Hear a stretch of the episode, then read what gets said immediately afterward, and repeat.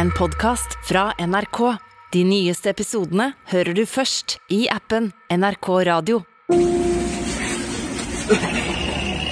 På et busstopp i Ukraina klamrer en far seg til den lille datteren sin. Han sitter på kne og hulker inn i den rosa boblejakka hennes.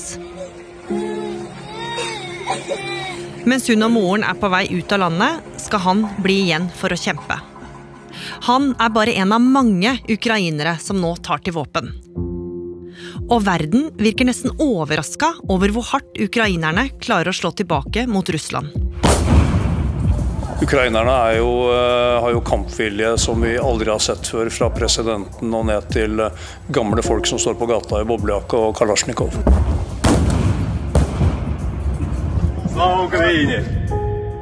Hva er det ukrainerne har fått til siden krigen starta for noen dager siden? Og vil de klare å holde fortet mot store, mektige Russland?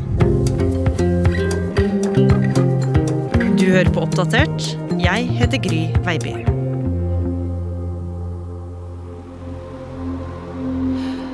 Torsdag morgen 24. februar våkna 44 millioner ukrainere til sjokk. Russland var i gang med å angripe dem. Et russisk angrep på Ukraina er altså i gang. Russland har eh, gått i land med soldater sør i eh, nabolandet og angriper militære anlegg og storbyer med raketter. Russlands president Vladimir Putin hadde bestemt seg for å gå hardt til verks.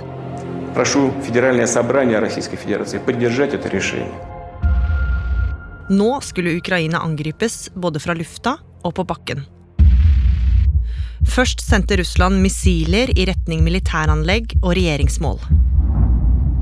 Men de ga seg ikke med det. Like etter gikk bakkestyrker inn i det enorme landet fra tre retninger. I øst rulla bakkestyrkene inn mot storbyen Kharkiv.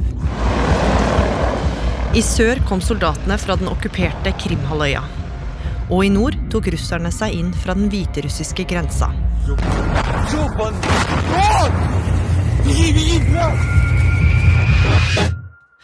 Og Roger Severin Bruland, europakorrespondent for NRK. Du er nå på plass i byen Lviv vest i Ukraina. Det var jo ikke bare ukrainere som var i sjokk torsdag morgen. Også i Vesten var mange overraska over at Putin faktisk hadde gått til det steget å invadere nabolandet sitt. Det var jo ingen som trodde at Putin ville gå til angrep på hele landet og vi ville få moderne krigføring mot to moderne hærer i Europa. Det er jo egentlig den største krigen i Europa siden andre verdenskrig. Når du ser formatet på det her og hvor stort det er, så er det jo klart at det blir uvirkelig. Torsdag morgen begynte det å danne seg kilometerlange bilkøer og tog stappfulle av mennesker som ville komme seg ut av Ukraina så fort som mulig. Og noen tenkte kanskje at Putin ikke ville møte så mye motstand. Men så begynte ting å skje.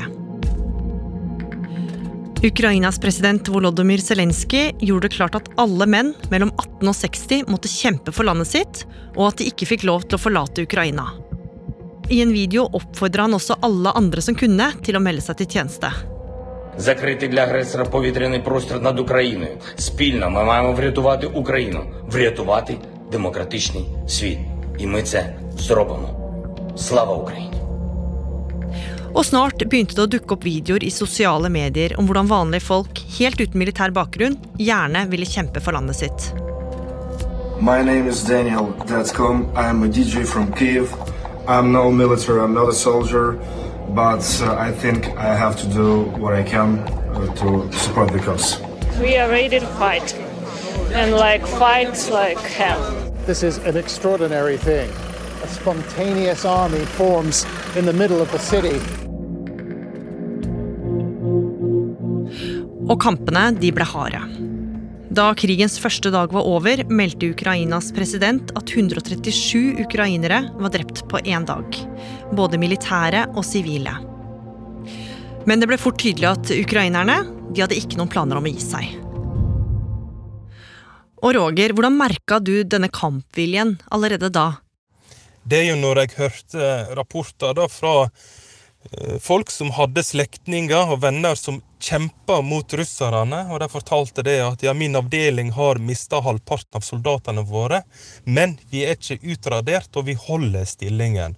Og da har vi jo sett eh, et eh, stort mot. At en, en kjemper da mer eller mindre til siste mann, og klarer å stoppe, eller om ikke stoppe, iallfall bremse ned den store invasjonsstyrken. Mm. Og på krigens andre dag dukka det opp en video som skulle bli symbolet på ukrainsk heltemot.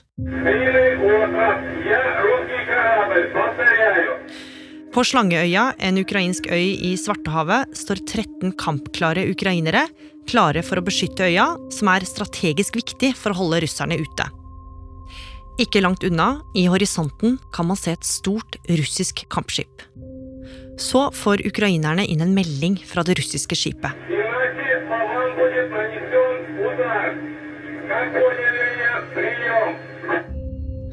De russiske soldatene ber dem legge ned våpnene. Men det har de ukrainske soldatene ingen planer om. De sier til hverandre dette er slutten, før de over sambandet ber de russiske styrkene om å dra til helvete. Og så blir det helt stille. Videoen spredte seg over hele verden, og president Zelenskyj utnevnte alle soldatene til helter for å ha forsvart Ukraina til siste stund. Men så begynte det å gå noen rykter som vakte oppsikt. Ryktene ville ha det til at Zelenskyj hadde forlatt landet og folket sitt. Men ganske snart dukka det opp en video der han filma seg selv. Leder fra institutt Лідер фракції тут, i militærgrønne klær står han ute i gata sammen med flere høytstående politikere, mens han forsikrer Ukraina om at han er der, militæret er der, folk er der, og at de alle vil forsvare landet sitt. Slava нашим захисникам, slava нашим захисницям. Slava Ukraina. Og da USA tilbød Zelenskyj å fly han og familien ut av landet og i sikkerhet, svarte han at kampen er her, jeg trenger våpen, ikke en flytur. Roger, hva betydde det for ukrainere at Zelenskyj sa at han ville bli i eh, Kiev, og at han nekta å forlate landet? Når folk ser Zelenskyj på sosiale medier sammen med sine toppfolk sier at vi skal ingen plass, vi blir her, så gir jo det en veldig stor moralsk oppmuntring til hele landet. Og han har jo blitt en stor folkehelt. Vi må jo huske på at eh, mannen egentlig er skuespiller og eh, komiker som har blitt eh, president kanskje ved tilfeldighet, og nå har han blitt en stor nasjonal leder. Ніяку зброю ми не складемо, будемо захищати нашу державу. Mange ukrainere føler seg ganske alene nå. Presidenten sier jo også at det er ingen som vil kjempe ved siden av oss.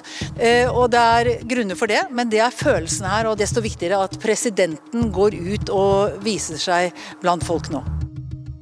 Og det at presidenten selv ble i landet for å stå opp mot Russland, det kan ha gitt mange ukrainere håp. For over helga var det mye som tyda på at kampviljen, den bare økte.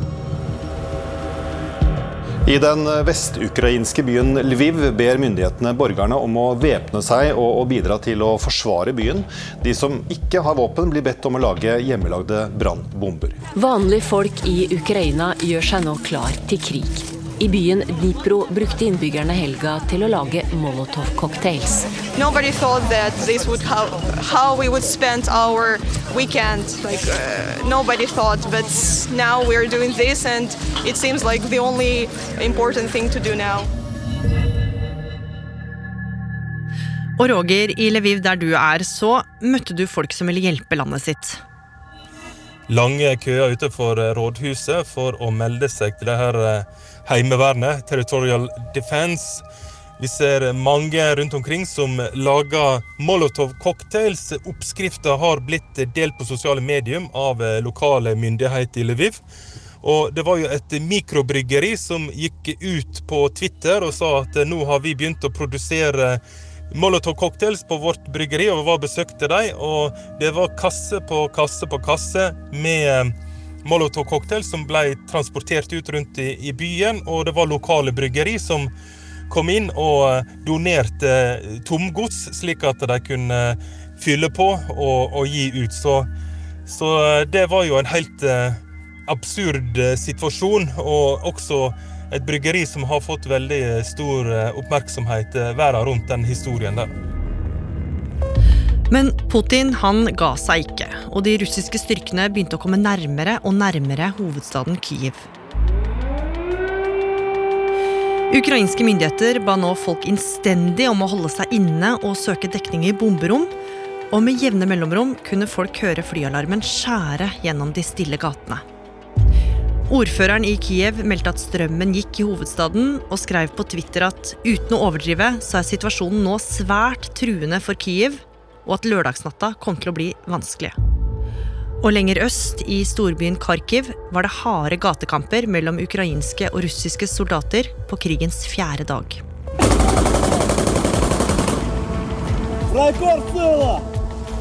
Ukrainske soldater forsvarte flere mål som var viktige for Russland, sånn som den strategisk viktige flyplassen Hostomel.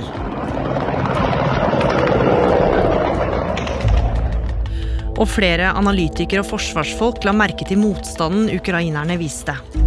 Forsvareren har alltid fordelen i en eh, by. Du kan gjemme deg i eh, solide murbygninger, blokkere gatene.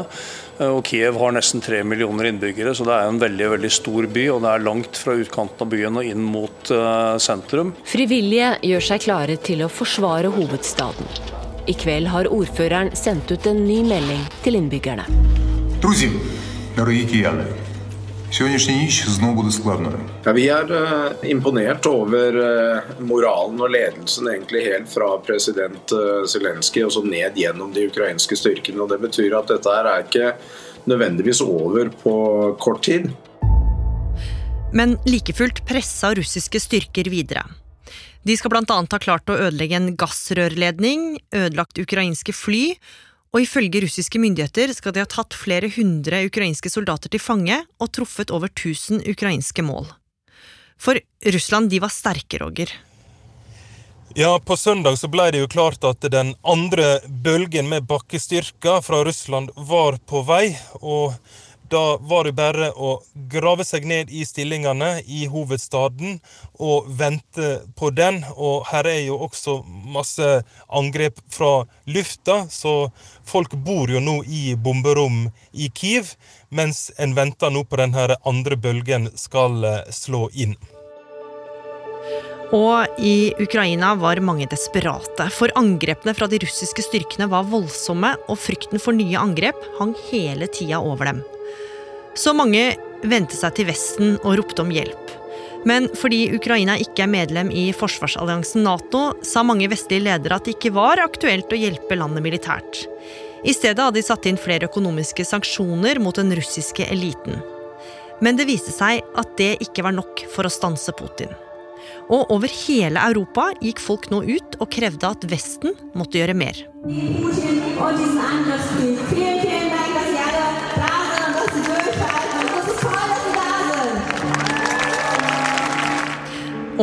søndag ettermiddag begynte det for alvor å skje ting i EU.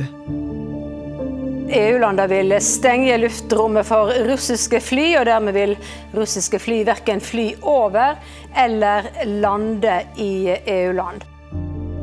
For the first time ever, the European Union will finance the purchase and delivery of weapons and other equipment to a country that is under attack. Nå på dag fire av krigen skulle Zelenskyj og landet hans endelig få litt av den hjelpen de hadde håpa på. Snart begynte land etter land å komme på banen. Tysklands forbundskansler Olav Scholz fortalte at de ville endre praksisen om å ikke sende våpen til områder i krig, og at de ville sende 1000 panservernvåpen og 500 raketter til Ukraina. Også Sverige og Danmark varsla at de ville sende tusenvis av våpen. Og dette var jo ganske oppsiktsvekkende, Roger. Ja, i aller høyeste grad et seismisk skifte i europeisk utenrikspolitikk. Når Olaf Scholz, forbundskansleren, gjorde det her, så var det vel egentlig som å krysse et lite Rubicon. En så Europa tok denne konflikten veldig mye mer på alvor. det har skjedd eh, en eh, enorm politisk endring. Jeg vet ikke helt hvordan jeg skal forklare det, men for å si det sånn, så var dette her helt utenkelig, iallfall når vi ser på Tyskland, for ei uke siden. Ja, og litt seinere, søndag kveld, gikk Norges statsminister Jonas Gahr Støre på talerstolen. Nå skulle også Norge gjøre mer. Så har regjeringen også i dag besluttet å fryse investeringene i Statens pensjonsfond utland i Russland, og starte prosessen med at fondet trekker seg ut av Russland. Så har også regjeringen besluttet å gi militært utstyr til de som nå forsvarer i Ukraina. Og med disse tiltakene fra vestlige ledere fikk nok mange et håp om at Ukraina kanskje ville ha en litt større sjanse til å stå imot stormakta Russland. Men det at Vesten kom til unnsetning, det likte ikke Putin. I en TV-tale søndag kveld sa han noe som fikk mange til å skjelve litt ekstra. Putin sa at han valgte å øke landets atomvåpenberedskap og sette atomvåpenstyrkene i kampberedskap. Han pekte bl.a. på at han mente høytstående tjenestemenn i ledende Nato-land hadde kommet med aggressive uttalelser knytta til Russland. Og det at han gikk ut og snakka om atomvåpen, Roger, hva betyr det? Ja, det var veldig mange som ble veldig redde når han begynte å snakke om det her, og selv om det kanskje ikke var så uventa, og at det er veldig, veldig usannsynlig at dette her vil bli en realitet, så viser det jo bare hvor tilspissa denne konflikten har blitt. Men det var tydelig at krigen på bakken, den bare fortsatte. Samme dag ble det delt satellittbilder av en fem kilometer lang kolonne med russiske militære kjøretøy i retning hovedstaden. Allikevel møttes representanter fra både Russland og Ukraina mandag morgen til samtaler. Der krevde Ukraina umiddelbar våpenhvile. Når vi spiller inn dette, holder møtet fortsatt på, og president Putin sa mandag ettermiddag til Frankrikes president at han vil spare ukrainske sivile under krigen. Og det gjenstår å se hvordan det utvikler seg. Men til slutt, Roger, hva skjer nå? Hvor lenge kan ukrainerne klare å stå imot mektige Russland? Det er ingen som vet, og jeg skal være den siste til å spekulere om noe som skjer i framtida. Her må vi bare se på fakta på bakken. Er du redd, Roger? Ja, absolutt. Eh, vi er alle redde. Men eh, jeg tror det at du er ikke normal hvis du ikke er redd eh, i en sånn krig. Mandag ettermiddag kom det også overraskende nyheter om at Ukrainas president Zelenskyj har søkt om EU-medlemskap for eh, Ukraina. Og den dramatiske situasjonen i Ukraina utvikler seg altså hele tida, så vi anbefaler å følge med på nrk.no. Har du lyst til å høre mer om Ukrainas president, hadde vi i Oppdatert en episode om ham for noen uker siden som heter Zelenskyj historien om Ukrainas president.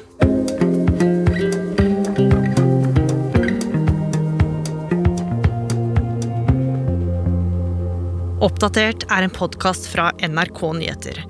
Og denne episoden er laga av Ina Swann, Irina Kjelle, Id Skrivarhaug, Andreas Berge og meg, Gry Veiby. Programredaktør er Knut Magnus Berge.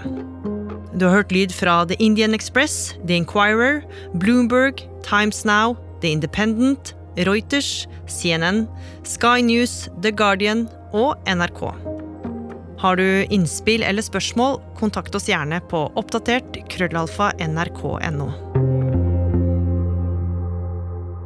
Jeg er Nima Shahinian og er produktdesigner. Visste du at vi allerede nå kan 3D-printe levende organer? Hei, jeg heter Selda Ekiz. I Burde vært pensum skal jeg dele min kunnskap med deg. Kunnskap som jeg mener burde vært pensum. Hei, jeg heter Erling Kagge. Visste du at dugnaden har vært med på å gjøre nordmenn til verdens lykkeligste folk? Podkasten Burde vært pensum hører du først i appen NRK Radio.